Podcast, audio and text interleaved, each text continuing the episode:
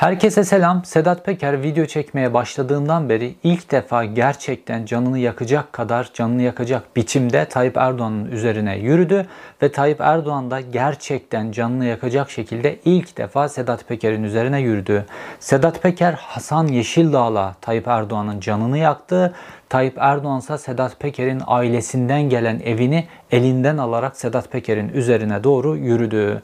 Bunların hepsinin altındaki hadise Levent Göktaş hadisesi. İki tarafta Tayyip Erdoğan'ın daha doğrusu Hakan Fidan'ın yaptığı Levent Göktaş hamlesiyle birlikte birbirlerine girdiler ve ortalık bir anda kızıştı.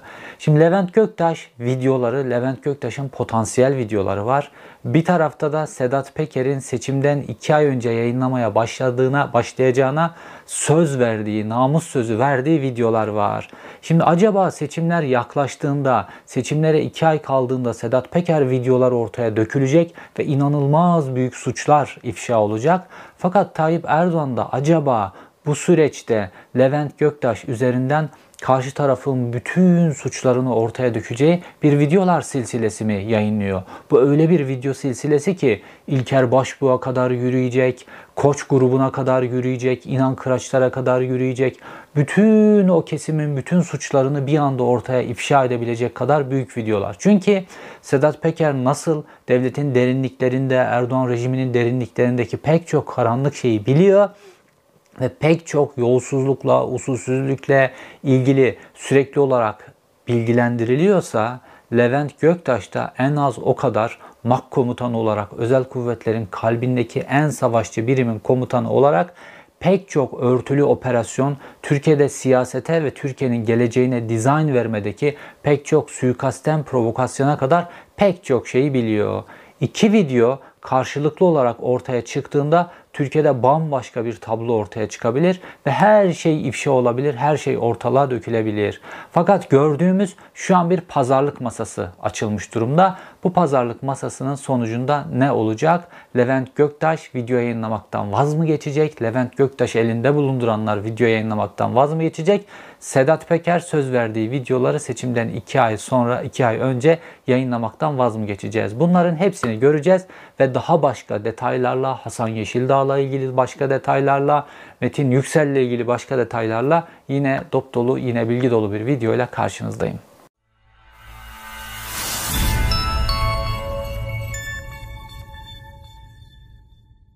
Sedat Peker ilk önce Balkanlardayken video yayınlamaya başlamıştı ama orada böyle çok kritik mevzuların içerisine girmemişti. Daha böyle süreçleri anlamaya çalışıyordu. Fakat Dubai dönemiyle birlikte Sedat Peker böyle kritik konulara doğru girmeye başladı. Ve iş öyle bir noktaya geldi ki artık Sedat Peker Tayyip abi seninle konuşacağız noktasına geldi ve Tayyip abisinin bilinmeyen sırlarını ifşa etmesini biz o süreçte bekledik. Fakat tam o videoya geldiğinde Sedat Peker video kesmeyi durdurdu. Gerekçe olarak da güvenlik gerekçesini sundu.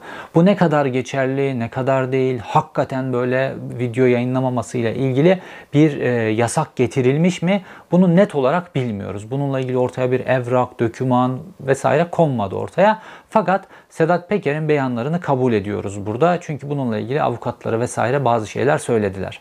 Fakat Sedat Peker şimdi Tayyip Erdoğan'a ilişkin, daha doğrusu bütün bu rejime ilişkin çok büyük sırları ifşa edeceğine ilişkin sözler verdi. Twitter'dan defalarca ve seçime 2 ay kala video yayınlayacağını duyurdu. Yani seçime 2 ay kala bir de bununla ilgili namus sözleri verdi. Seçime 2 ay kala Dubai yasaklamış mı, yasaklamamış mı, olmuş mu, bu olmuş mu bu videoları yayınlayacak. Neden? Çünkü bu videoları şimdiden çektiğini söylüyor Sedat Peker. Videolar hazır. Dubai'den yayınlanmazsa başka bir yerden yayınlanır, başka bir ülkeden yayınlanır. Bunların hepsi teknik olarak çözülebilir.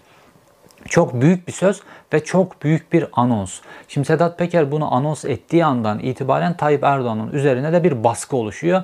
Çünkü Sedat Peker'in ifşa edeceği şeyler hakikaten kamuoyunun hepsinin midesini bulandırabilecek kadar ciddi düzeyde meseleler olabilir. Şimdi bunların ucunu Sedat Peker ilk defa gösterdi. Daha doğrusu göstermek zorunda kaldı. Normalde gizemli bir biçimde hazırlanıyordu ve başka konularda ifşalar yaparken doğrudan Tayyip Erdoğan'a yürüyecek konularda ifşalar yapmıyordu. Fakat düzlemin tamamını değiştiren bir hadise oldu. O da Hablemitoğlu suikasti ile ilgili dosyanın açılması. Şimdi Hablemitoğlu suikastini kim yapmış, ne yapmış, e, özel kuvvetler komutanlığı içerisindeki hangi birim yapmış vesaire bunların bütün bilgileri Milli İstihbarat Teşkilatı'nın elinde vardı. Fakat Milli İstihbarat Teşkilatı bu Ergenekon yargılamaları sürecinde bunlar talep edilmesine rağmen Milli İstihbarat Teşkilatı bunları göndermedi. Fakat Sonrasında şimdi düzlem değişince bir anda Milli İstihbarat Teşkilatı 2023 seçimlerine hazırlık çerçevesinde Hablemitoğlu dosyasının kapağını açtı. Kime karşı açıldı bu kapak? Sedat Peker ve onu temsil eden, onun geçmişten beri birlikte yürüdüğü kuvvetlere karşı açıldı bu kapak. Ve o kapağın içerisinden de Levent Göktaş çıktı. Levent Göktaş son derece gizemli ve son derece önemli bir adam. Şimdi Levent Göktaş biliyorsunuz böyle konforuna çok böyle düşkün bir adamdır normalde. Lüks yaşar vesaire, iyi para harcar ve hayatı yaşar yani Levent Göktaş. Dolayısıyla da Silivri cezaevinde Ergenekon sürecinde tutuklanıp 4-5 yıl hapis yattığı dönemde de Levent Göktaş konuşmak için savcıya başvurmuştu. Fakat Levent Göktaş'ı durdurdular. Cezaevindeki arkadaşlarının baskısı, avukatların üst üste ziyareti, ailesi üzerinden kurulan bağlantılar vesaire Levent Göktaş konuşacağına ilişkin savcıya başvurmuş olmasına rağmen konuşmaktan vazgeçti. Ve avukatları da mahkemede onu şöyle açıkladılar. Ya o günlerde psikolojisi iyi değildi vesaire o yüzden bu başvuru yaptı filan diye üzerini kapatıp geçtiler. Fakat bu tespit edildi bir kere. Levent Göktaş hayatını cezaevinde geçirmek istemiyor. Şimdi bazı insanlar için mesela Sedat Peker hayatının 10 yıldan fazlasını cezaevinde geçirmiş filan. Bazı insanlar için bu çok önemli değil. Böyle cezaevinde de böyle dirençlerini korurlar. Bazı insanlar koruyamazlar. Hayata bakış açısıyla ilgili bir şey ya da cezaevinin sizi nereye taşıyacağıyla ilgili bir şey. Bu Sedat Peker gibi insanları cezaevi alemde, yeraltı aleminde bir yere taşır. Fakat Levent Göktaş gibi böyle memur kökenli adamları bir yere taşımaz. Sadece hayatlarından bir bölümün kaybolmasından ibarettir. Şimdi Levent Göktaş'ı ortaya çıkartınca Tayyip Erdoğan, Hakan Fidan, Hulusi Akar vesaire bunlar Levent Göktaş'ı ortaya çıkartınca bütün bu kirli ağın en gizemli ismini ortaya çıkarmış oldular. Çünkü Levent Göktaş'ın MAK alay komutanı olarak özel kuvvetlerde görev yaptığı dönemde Türkiye'de pek çok suikastler oldu, Türkiye'de pek çok provokasyonlar oldu, pek çok provokasyonun zemini hazırlandı. O yıllarda işte bu Şener Er Uygurlar, Hurşit Tolonlar, Aytaç Yalmanlar dönemin Genelkurmay Başkanı Hilmi Özkök'ü devirip sonra Tayyip Erdoğanlara vesaire karşı bir daha, daha doğrusu ülkede kontrol ele geçirmek istiyorlardı. Dolayısıyla bu kontrol ele geçirme sürecinde de MAK alay komutanlığını çeşitli biçimlerde kullanmışlardı. Şimdi bunların bütün bilgileri, e, ön bilgileri diyebileceğimiz bilgiler şu an savcılığın elinde var. Neden?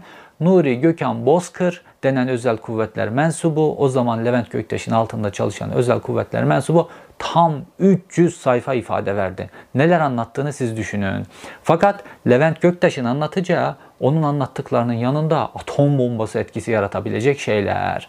Dolayısıyla Sedat Peker'in potansiyel çekeceği videolara karşı Tayyip Erdoğan da çantadan bir tavşan çıkardı. Levent Göktaş ve onun potansiyel çekeceği videolar ya da Levent Göktaş'ın savcılıkta vereceği ifadeler. Bunlar da Sedat Peker'in videolarının oluşturacağı etkinin belki mislini Sedat Peker grubuna karşı olarak oluşturabilecek kuvvette işler. Şimdi bu hamle yapılınca Sedat Peker tarafı da bir hamle yaptılar. Onlar da aynı Tayyip Erdoğan'ın tavşadan, e, şapkadan Levent Göktaş'ı çıkarması gibi onlar da şapkadan Hasan Yeşildağ'ı çıkardılar. Şimdi Hasan Yeşildağ da işte bütün bağlantıları açıklandığında aynı Levent Göktaş'ın anlatacakları gibi mide bulandıracak, midelerimizi hepimizin kaldıracağı bir adam. Son derece gizemli bir adam.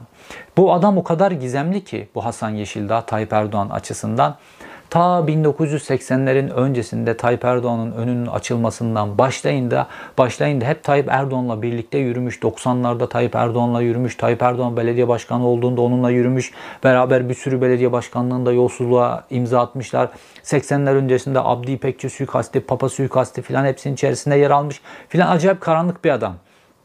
Ve Tayyip Erdoğan iktidara geldiği sürece de Tayyip Erdoğan'la bu iktidarın 20 yılı boyunca Tayyip Erdoğan'la birlikte yürümüş. Fakat hiçbir biçimde kamuoyunun gözünün önünde olmamış. Burası işte çok enteresan. Hatta o kadar gözünün önünde değil ki Ben dahil pek çok gazete, gazeteci, web sitesi vesaire Hasan Yeşildağ'ın fotoğrafını bulmakta zorlandık ve bir biçimde web arşivine bir fotoğraf girmiş. Böyle Hasan Yeşildağ, Tayyip Erdoğan cezaevinde çekilmiş bir fotoğraf ve Hasan Yeşildağ diye böyle kırmızı biçimde kare, e, çember içerisine alınmış sarı takım elbiseli böyle şişman bir adam var.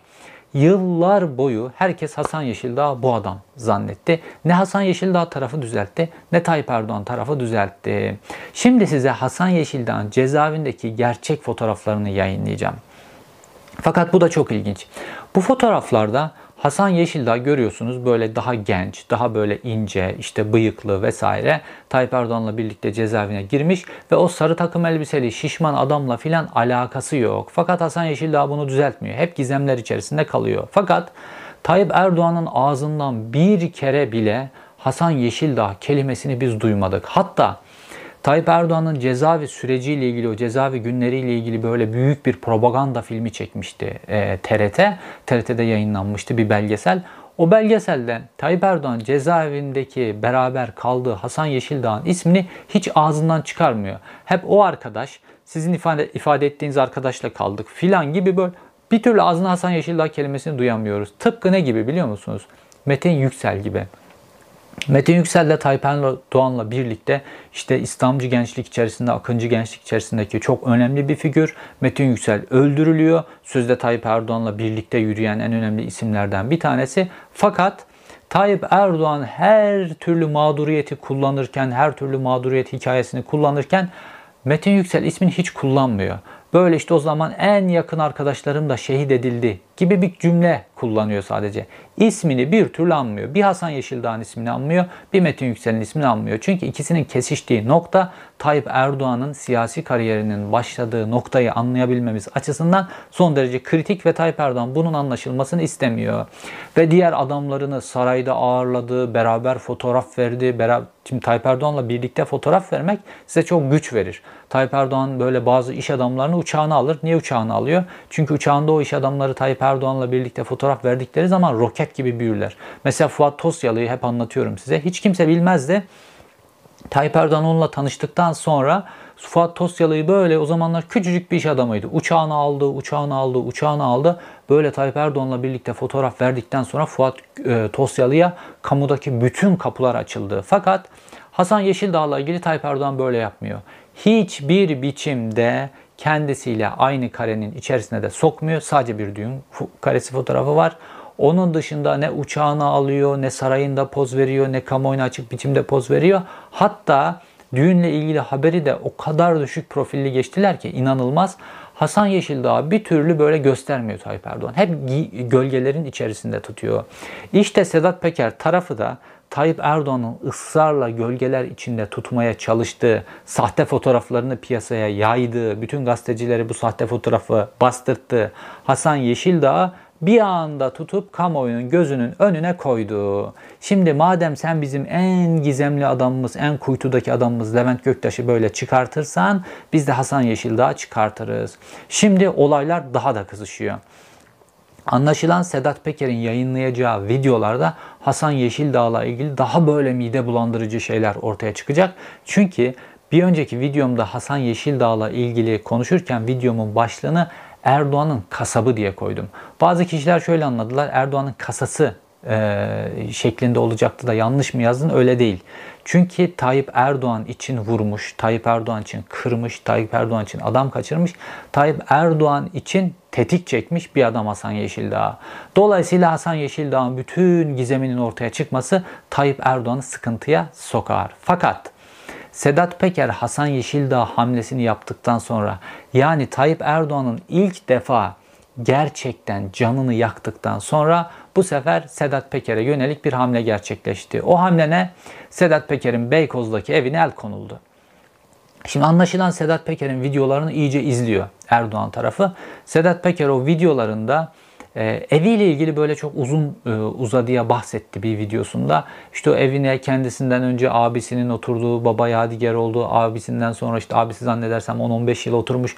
Ondan sonra kendisinin oraya geçtiği filan kendisi ve ailesi için bir değer ifade ediyor. Belki İstanbulluluk tarihleri o evde başladı. İşte Beykoz'da bir arazi. Fakat O arazi işte biliyorsunuz 2B kapsamındaki orman arazileri buralar hep ve bu orman arazileriyle ilgili de bir başvuru süreci başlatılmıştı. Herkes gidiyor, parasını yatırıyor, işte taksitler ödüyor, o oluyor, bu oluyor.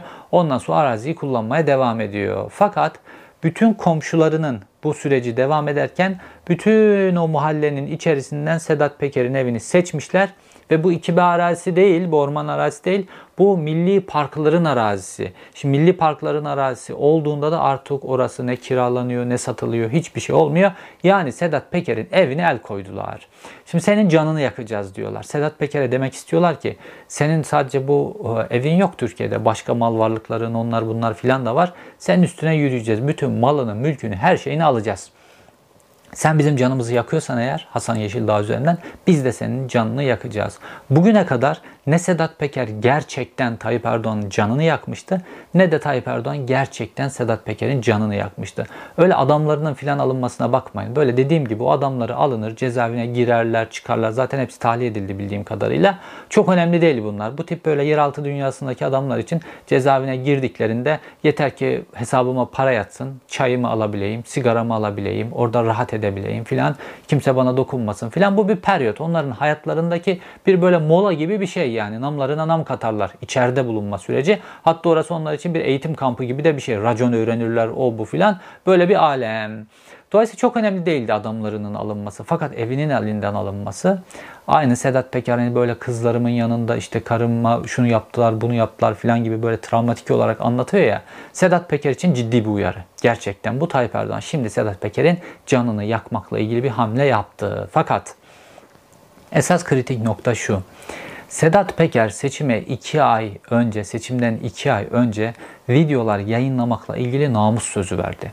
Ve bütün kamuoyunun önünde verdi. Bu videoları yayınlamak zorunda. Hatta tweetlerinden anladığımız şekilde bu videoların bir kısmını da çekmiş zaten hala hazırda. Videolar sağlam, elde çekilmiş videolar var.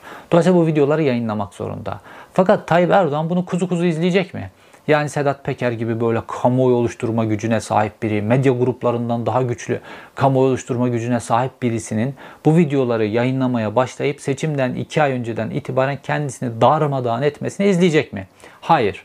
Tayyip Erdoğan oturmuştur. Artık ellerinde devlet mekanizması da var ya emniyet istihbarattan adamlar, milli istihbarattan adamlar, işte genel kurmaydan Hulusi'nin adamları vesaire hepsi bir araya gelmişlerdir ve bir strateji geliştirmişlerdir. Çünkü bunların başına bir iş gelirse hepsinin birden başına bir iş geleceği için rejimi hep beraber korumaları gerekiyor. Dolayısıyla da karşısına belirledikleri strateji anlaşılan bu.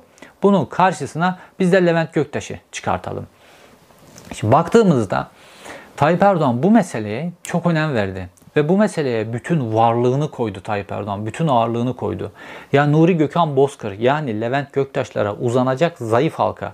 Nuri bu Gökhan Bozkır biliyorsunuz Ukrayna'ya gitmişti ve Ukrayna'da e, bir oranın vatandaşı birisiyle evlenmişti. Sonrasında da işte daha güvenli olabilmek için Romanya'ya geçmişti vesaire. Orada kendisini bir şekilde korumanın altına almıştı ve onunla irtibatlar da devam ediyordu Levent Göktaş tarafından. Adamı elde tutuyorlardı. Fakat Tayyip Erdoğan bütün ağırlığını verdi. Putin'le ilişkilerini bozma pahasına e, Ukrayna'ya dronlar verdi. Selçuk Bayraktar'ın en iyi dronlarını gönderdi. O dronları başka ülkeler üzerinden sevk etti savaş sürecinde vesaire. Bütün her şeyini harcadı ve Zelenski nezdinde bütün şahsi ağırlığını ortaya koyarak Ukrayna istihbaratının e, Nuri Gökhan Bozkır'a bir e, oyun oynaması neticesinde Nuri Gökhan Bozkır'ı alıp Türkiye'ye getirdi. Yani bu meselede Tayyip Erdoğan bizzat beka meselesi gibi gördü ve Nuri Gökhan Bozkır'ı Türkiye'ye getirdi. Ondan sonra Nuri Gökhan Bozkır da böyle rahatına düşkün filan bir adam. Nuri Gökhan Bozkır'ı konuşturdular. 300 sayfalık bir ifade aldılar. Şimdi bu 300 sayfalık ifade böyle sanki gizli kasalarda saklanıyor şu anda. Ondan çok az belli bölümleri medya sızdırdılar. Sabah gazetesi üzerinden sızdırdılar. Fakat orada hangi konularla ilgili, mesela sauna olayları ile ilgili, başka olaylarla ilgili neler anlattı, hangi örtülü operasyonları anlattı vesaire bunları bilmiyoruz. Nuri Gökhan Bozkır da çok önemli bir adam. Baktığımızda işte Suriye'ye sevk edilen soğan tırlarında o var. AKP'lilerin üst düzey bürokratların saunalarda gizlice kasetlere çekilmesinde o var. Necip Hablemitoğlu'nun evinde keşif yapılıp öldürülmesinin planlanmasında o var. Var oğlu var. Çok derin bir adam. Daha neleri var onları da bilmiyoruz. Çünkü çok kritik bir zamanlamayla MAK Alay Komutanlığı'nda görevliydi. Tıpkı Levent, Bektaş, Levent Göktaş gibi. Levent Göktaş da tam Tayyip Erdoğan'a karşı, Tayyip Erdoğan iktidarının geldiği o dönemde Aytaç Yalmanlar, Şener Ergülurlar, Hurşit Tolanlar vesaire bunların hepsinin numara çevirdiği dönemde operasyonun yapılacağı yerlerdi. Şimdi özel kuvvetlerin beyaz kuvvetleri var, siyah kuvvetleri var. Bu beyaz kuvvetler içerisinde AKP'nin içerisine yerleştirilmiş adamlar var, sivil toplumda var, avukat yapılmış olanlar var, var, var. Bir sürü şey var devletin mekanizması. Bunların hepsinin bilgileri Levent Göktaş'ta. İşte Levent Göktaş'ta Sedat Peker videolarına karşı Levent Göktaş videoları ortaya çıkarsa çünkü Levent Göktaş'a şu anda ulaşılamıyor. Ben şimdi Levent Göktaş'ın geçmişten beri birlikte hareket ettiği bu ulusalcı kesimin daha doğrusu işte Ergenekoncu denen kesimin tepkilerine baktığımda Levent Göktaş'a ulaşamıyorlar. Hatta geçtiğimiz günlerde Celal Ülgen gazeteci er- Acarer'le bir canlı yayına katıldı. Öfkesini kontrol edemiyor. Ee, artık böyle çığırından çıkmış düzeyde gereksiz bir biçimde, agresif biçimde Erkecerer'in üzerine gitti. Çok enteresan. Bu işte üzerlerinde oluşan baskıyı gösteriyor. İnanılmaz bir baskı var. Ve bu böyle gizemli biçimde ortaya çıkan bir Levent Göktaş hesabı vardı, Twitter hesabı. Bununla ilgili gizemi dahi çözemedikleri görünüyor. Bu hesapla ilgili herkes bir şey söylüyor. Celal Ülgen bir şey söylüyor, Sedat Peker bir şey söylüyor. O bir şey hesapla ilgili bile bir karışıklıklar var. Fakat şu bir gerçek ki Sedat Peker tarafı oyunu fark etti bence. Çünkü bütün bu grubun içerisine baktığımızda bu hesaba yani Levent Göktaş o hesapta ne diyordu? Ben de videolar çekeceğim diyordu. Buna en sert tepki Sedat Peker verdi. Ve o kadar sertti ki ya niye bu kadar sert tepki verdi diye anlayamadık bile. Sırf sadece orada Sedat Peker demiş ki işte benim videolarım seninkiler gibi olmayacak daha ciddi olacak. Buna karşılık Sedat Peker'in verdiği tepki çok orantısızdı normalde. Anlıyoruz ki Sedat Peker tarafı bunu anlamış. Benim videolarıma karşı bu videolar çıkartılacak ve Sedat Peker tarafı da Tayyip Erdoğan'ın canını erkenden yakma kararı aldı ve bu Hasan Yeşildağ meselesinin kapağını açtı. Şimdi bu kapak açılınca iki şey olabilir. Tayyip Erdoğan geri adım atabilir anlaşma masasına oturtabilir, oturabilir ve Hablemitoğlu soruşturmasıyla ilgili bir iddianame çıkar ortaya. Bu özel kuvvetler mensupları onlar bunlar alt seviyedeki birkaç kişiye bir şey e, yıkılır üzerine o da sürüncemeye bırakılır vesaire. Ondan sonra bu işi cemaat yaptı filan herkesin anlaşabileceği bir senaryoyla bir iddianame çıkar olay kapatılır. Eğer iddianame bu şekilde çıkarsa anlayın ki anlaşmışlar bunlar. Fakat böyle değilse eğer Levent Göktaş'a hala ulaşamıyorlarsa eğer o zaman Levent Göktaş'ın da seçime 2 ay kala Levent Göktaş videolarının ortaya çıkması son derece muhtemel. Çünkü Levent Göktaş'a ulaşılamıyor. Bunu anlıyoruz. Bu tarafın tepkilerinden bunu anlıyoruz. Levent Göktaş'a ulaşılamıyor. Ergenekon soruşturmaları kapsamında tutukluyken savcıya ifade vereceğim diye, ek ifade vereceğim diye başvurduğunda eldeydi. Cezaevindeydi. Levent Göktaş'a hemen ulaştılar. Levent Göktaş'ı susturdular. Fakat şimdi elde değil adam. Şimdi elde olmayınca ne olacağı bilinmiyor. Çünkü Levent Göktaş'ın vereceği ifadelerden İlker Başbuğ'a kadar yürünebilir. Levent Göktaş'ın vereceği ifadelerden Koç grubuna kadar yürünebilir. İnan Kıraçlara kadar yürünebilir. Levent Göktaş'ın vereceği ifadelerden o bütün o TÜSİAD üyelerinden tutun da Türkiye'nin başka kaymak tabakasına kadar Türkiye'deki bütün güç dengelerini elinde tutulan herkese doğru yürüyebilir. Eğer Tayyip Erdoğan 2023 seçimlerini ölüm kalım savaşı olarak görüyorsa bu hamleyi yapar ya da karşı tarafı pazarlık masasına oturtmak, 2020 seçimlerinde bütün çevireceği dolaplarla ilgili kendisine destek vermek ya da sessiz kalmakla ilgili Levent Göktaş zorlayabilir, Tayyip Erdoğan tarafı zorlayabilir. Pazarlık bu e, çerçevede imzalanabilir. Şimdi gelelim konunun başka bir tarafına. Bu Hasan Yeşildağ'ın Tayyip Erdoğan'ın yanına böyle yerleşmesi süreci de çok enteresan.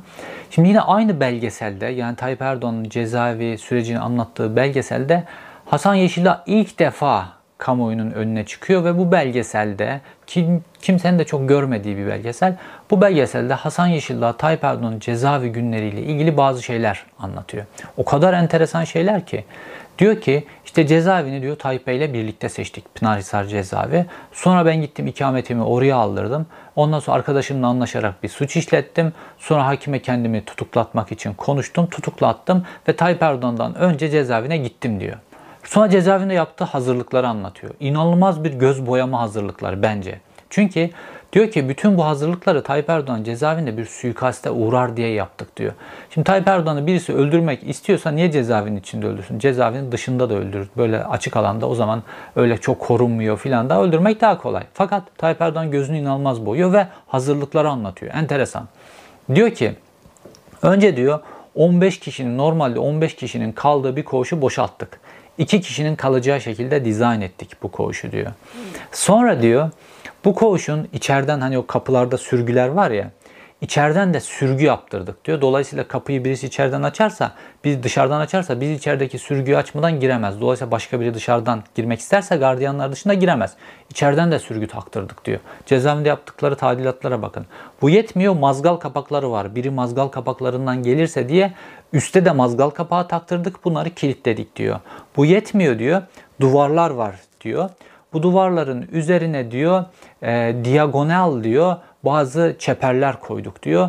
Bunlar diyor e, harekete duyarlı çeperler ve birisi duvarların üzerinden Tayyip Erdoğan'ın bulunduğu hücrenin bahçesine girmek isterse diyor bunlar anında kendisi reaksiyon veriyor, yükseliyor. Yükseldiği yetmemiş gibi bir de bunların alarm sistemi cezaevi müdürünün odasına bağlı. Cezaevi müdürünün odasında 160 desibel ses çıkarıyor. Bu öyle bir ses ki bütün ilçeden duyulabilecek bir ses. Bu da yetmiyor. Cezaevinin o bahçesine yani açık alana e, kendi hücrelerinin bahçesi olan açık alanın içerisine de harekete sensörlü e, alarm sistemi koyuyor. Koyuyor bu alarmlar da hücrenin içerisine bağlı. Şimdi normalde tamamen bir elektronik harp sistemiyle donatılmış orası. Normalde cezaevinde içeriye sokabileceğiniz 2-3 tane elektronik alet var. O da kendi paranızı vererek. Bir tanesi televizyon, bir tanesi radyo, bir de kettle sokabiliyorsunuz içeri. Onların hepsinde parasını kendiniz veriyorsunuz. Bunun dışında hiçbir elektronik alet sokamıyorsunuz. Fakat hepimiz biliyoruz ki Tayyip Erdoğan cezaevinde cep telefonu da kullanıyordu. Yetmemiş cezaevine elektronik bariyerler, elektronik sistemler hatta o sistemleri cezaevi müdürünün odasına bağlayacak kadar bir sürü hazırlık yapmış Hasan Yeşildağ. Öylesine bir boyamış ki Tayyip Erdoğan'ın gözüne Tayyip Erdoğan en kral adamlarından biri olmuş. Fakat baktığımızda bu Hasan Yeşildağ 12 Eylül öncesi böyle devletin en karanlık tarafıyla çalışmış bir adam. Abdi İpekçi öldürülmesinde var, Papa suikastinde var. İsmi Ümraniye bombacısı zaten 12 Eylül'ün öncesinde. Ümraniye bombalanmasında var. Bunların hepsinde var. Yani devletin karanlık tarafıyla çalışmış bir adam. Şu an halen daha Tayyip Erdoğan'ın bu kadar yakınındayken devletin o karanlık tarafıyla ilişkilerini devam ettiriyor mu onu da bilmiyoruz. Böylesine enteresan bir adam aslında Hasan Yeşildağ. Ve Hasan Yeşildağ'ın işte anlattığı kişilerden bir tanesi de e, Fahri Kasırga. Bir önceki videomda da bahsettim. Diyor ki Sedat Peker'in anlatımına göre e, Hasan Yeşildağ Ümraniye'ye bomba koyuyor, başka yerlere bomba koyuyor fakat bu bombalı eylemlerin hiçbirisine yakalanmıyor. Diğer ülkücüler yakalanırken niye yakalanmıyormuş? Fahri Kasırga da o dönem askermiş, yedek subaymış. Bir üst sokakta bekliyormuş onu. Hasan Yeşildağ bombayı koyduktan sonra gelip Fahri Kasırga'nın arabasına biniyor. Beraber kaçıyormuş. Askeri kimlikte olduğu için kimse durdurmuyor, şüphelenmiyor vesaire. O Fahri Kasırga şimdi nerede? Cumhurbaşkanlığı Genel Sek Cumhurbaşkanlığı Genel Sekreteriydi. Şimdi de Tayyip Erdoğan'ın baş danışmanı. Tayyip Erdoğan'ın en kritik adamlarından bir tanesi Fahri Kasırga. Şimdi Hasan Yeşildağ orada, Fahri Kasırga orada. Peki Hasan Yeşildağ'ın Tayyip Erdoğan'ın önünü açarken e, ortadan kaldırılan isimlerden bir tanesi olan Metin Yüksel'in yakınları nerede? Bunlara bakalım şimdi. Metin Yüksel biliyorsunuz işte Tayyip Erdoğan'la birlikte o dönem İslamcı hareketin hareketin en önde isimlerinden bir tanesiydi. O ve başka kişilerin öldürülmesiyle birlikte Tayyip Erdoğan önü açıldı. Tek kaldı Tayyip Erdoğan. Fakat enteresan normalde İslamcılar için çok önemli bir adamdır. Hatta Metin Yüksel için böyle marşlar bestelemişti bestelenmişti. Molla Sadreddin'in en yiğit oğlu Metin Yüksel ölmedi cennete doğdu filan diye Metin Yüksel ölmedin sen ölmedin sen diye devam eden bir e, marş vardı böyle. E, ben de Erzurum'da büyüdüm. Erzurum'da da çok çalınırdı böyle plakçılarda filan. Böyle bir marşı bile olan böyle çok sembolik bir adam. Ve Fatih Camisi'nin avlusunda öldürülmüştü. Öldürenlerden bir tanesi de daha sonra Milliyetçi Hareket Partisi'nden milletvekili oldu. Şu anda Tayyip Erdoğan Milliyetçi Hareket Partisi ile koalisyon kurdu. Ne kadar enteresan. Sırf bunun için bile koalisyon kurmaz insan. Yoldaşını öldürmüş bir adamı milletvekili yapan birisi de Devlet Bahçeli netice itibariyle. Ve o Fatih Camisi'nin avlusunda böyle kırmızı bir alan vardı böyle. Kırmızıya boyanmış bir alan vardı Metin Yüksel'in öldürüldüğü yer. Ve İslamcılar hep Fatih Camisi'ne gittikten çıktıktan sonra kırmızı alanın orada bir Fatiha okurlardı. Yıl dönümünde anma e, faaliyetleri yapılırdı vesaire. Sonra Fatih Camisi'ni biliyorsunuz e, restore etti Tayyip Erdoğan geçtiğimiz yıllarda. O restorasyon sırasında ağaçları doğradılar filan ortaya devasa böyle betondan bir alan çıkardılar. Ve Metin Yüksel'in oradaki yerini de temizlediler. Bembeyaz yaptılar. O kırmızı alan tamamen temizlendi. Şimdi tekrar sprey boyalarla vesaire boyadılar ama normalde neyi beklersiniz biliyor musunuz Tayyip Erdoğan'ın? O Metin Yüksel'in vurulduğu alana böyle küçük bir böyle bir en azından hatırlatıcı bir anıt koymasını, orayla ilgili böyle bir şeyler yapmasını, özel bir sanatsal bir dizayn yapmasını oraya filan bunu beklersiniz. O olmuyor. Oradaki kırmızı boyayı bile kazıyorlar. Tertemiz yapıyorlar. Metin Yüksel'i kazıyor. Zaten ağzına hiç almıyor. Ve Metin Yüksel'in de iki tane kardeşi var. Birisi büyük kardeşi, biri küçük kardeşi. İşte Müfit Yüksel Tayyip Erdoğan döneminde şu anda işsiz kalmış durumda, ötekileştirilmiş durumda, konuşursa hapse atılacak duruma gelmiş durumda. Hatta Tayyip Erdoğan'ın yandaşları Müfit Yüksel'i şu anda linç ediyorlar sürekli olarak başka başka mevzulardan karşı karşıya geldikleri durumda. Müfit Yüksel böyle bir kenara sıkıştırılmış, kıstırılmış durumda. Bir de Edip Yüksel var abisi, Türkiye'ye dönemiyor. Amerika Birleşik Devletleri'nde yaşıyor. Türkiye'ye dönse tutuklanacak. O derece rejim açısından şeytanlaştırılmış bir adam. Türkiye'ye dönemiyor. Metin Yüksel'in kardeşleri bu hale düşürülmüş. Fakat Metin Yüksel'in katillerinden bir tanesi Milliyetçi Hareket Partisi'nde milletvekili olmuş. Tayyip Erdoğan şimdi o Milliyetçi Hareket Partisi ile ortak. Metin Yüksel soruşturmasında ismi sürekli olarak geçen Hasan Yeşildağ vardı. O adam da Tayyip Erdoğan'la belediye başkanlığı döneminden şimdiye kadar kanka olmuş. Hapishanede onu böyle hapishane arkadaşı olmuş onunla birlikte. Ee, aynı odada kalmışlar. O bu Tayyip Erdoğan'la kanka. Artı yetmiyor. Onu bütün bu faaliyetlerin içerisinde cinayetler, bombalamaları içerisinde koruyan Fahri Kasırga da Tayyip Erdoğan'ın baş danışmanı. Ne kadar enteresan bir ağ görüyorsunuz. Ve bunun hepsini de aslında Edip Yüksel geçtiğimiz günlerde de Twitter üzerinden uzun bir flotla bunların hepsini de anlattı. Edip Yüksel. Ve baktığımızda Tayyip Erdoğan'ın önünün açılması, Tayyip Erdoğan'ın rakiplerinin temizlenmesi, Tayyip Erdoğan'ın cezaevi süreci. Mesela Tayyip Erdoğan'ın cezaevi sürecinde enteresan bir de o dönemde Tayyip Erdoğan cezaevine girdiğinde askerler çok güçlü. 28 Şubat rejimi askerler çok güçlü. Fakat askerler bu kadar güçlüyken ve cezaevlerinin koruması da jandarmanın korumasında olduğu halde Tayyip Erdoğan'la cezaevine cep telefonu sokmasına, cezaevinde lüks bir hayat kurmasına, hatta cezaevine garsonlarıyla birlikte balık, kebapçı, mangal filan çağırıp cezaevi bahçesinde mangal partileri yapmasına hepsine izin veriliyor. Yetmiyor.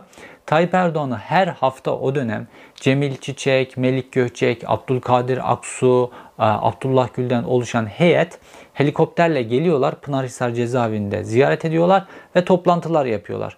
O toplantılar yapılıyor, yapılıyor, yapılıyor. Yani cezaevi Tayyip Erdoğan için bir planlama sürecine dönüştürülüyor. Buna izin veriliyor. Ve bu toplantıların neticesinde ayrıca yine e, ifşa oldu artık bu. Tayyip Erdoğan'ı İngilizce öğretmeni e, e, kisvesi altında istihbaratçılar da gelip ziyaret ediyorlar cezaevinde. Ve Tayyip Erdoğan neye hazırlanıyor? Yeni bir hareket hazırlanıyor. Önce Fazilet Partisi'nde iktidarı ele geçirmeye çalışıyorlar. Fakat orada iktidarı ele geçiremeyince orası e, Saadet'te zannedersem isimleri karıştırıyorum. İktidarı ele geçiremediler. Kongrede e, e, ipleri ellerine alamadılar. O zaman o parti kapatıldı. Onlara yeni bir oluşum yapılmasının önü açıldı ve yeni bir oluşumlu Adalet ve Kalkınma Partisi'ni kurdular. Hatta o kadar enteresan ki Tayyip Erdoğan sözde böyle e, askerlerin hedefi o dönem. Fakat Tayyip Erdoğan'a siyasi yasak getirilemiyor. En azından parti üyesi vesaire olabiliyor. Milletvekilinin önü de açıldı sonrasında. Fakat Nazlıcağa getirildi mesela o süreçte. Bu da çok enteresan. Bir böyle yol verme ve meşhur etme süreci var. O cezaevi süreci Tayyip Erdoğan'ı inanılmaz meşhur eden bir süreçte. O cezaevine giriş, çıkış görüntülerini filan izleyin böyle tarihten. Böyle inanılmaz kalabalıklar, mağduriyet hikayeleri onu bugüne kadar kullandı da kullandı biliyorsunuz Tayyip Erdoğan.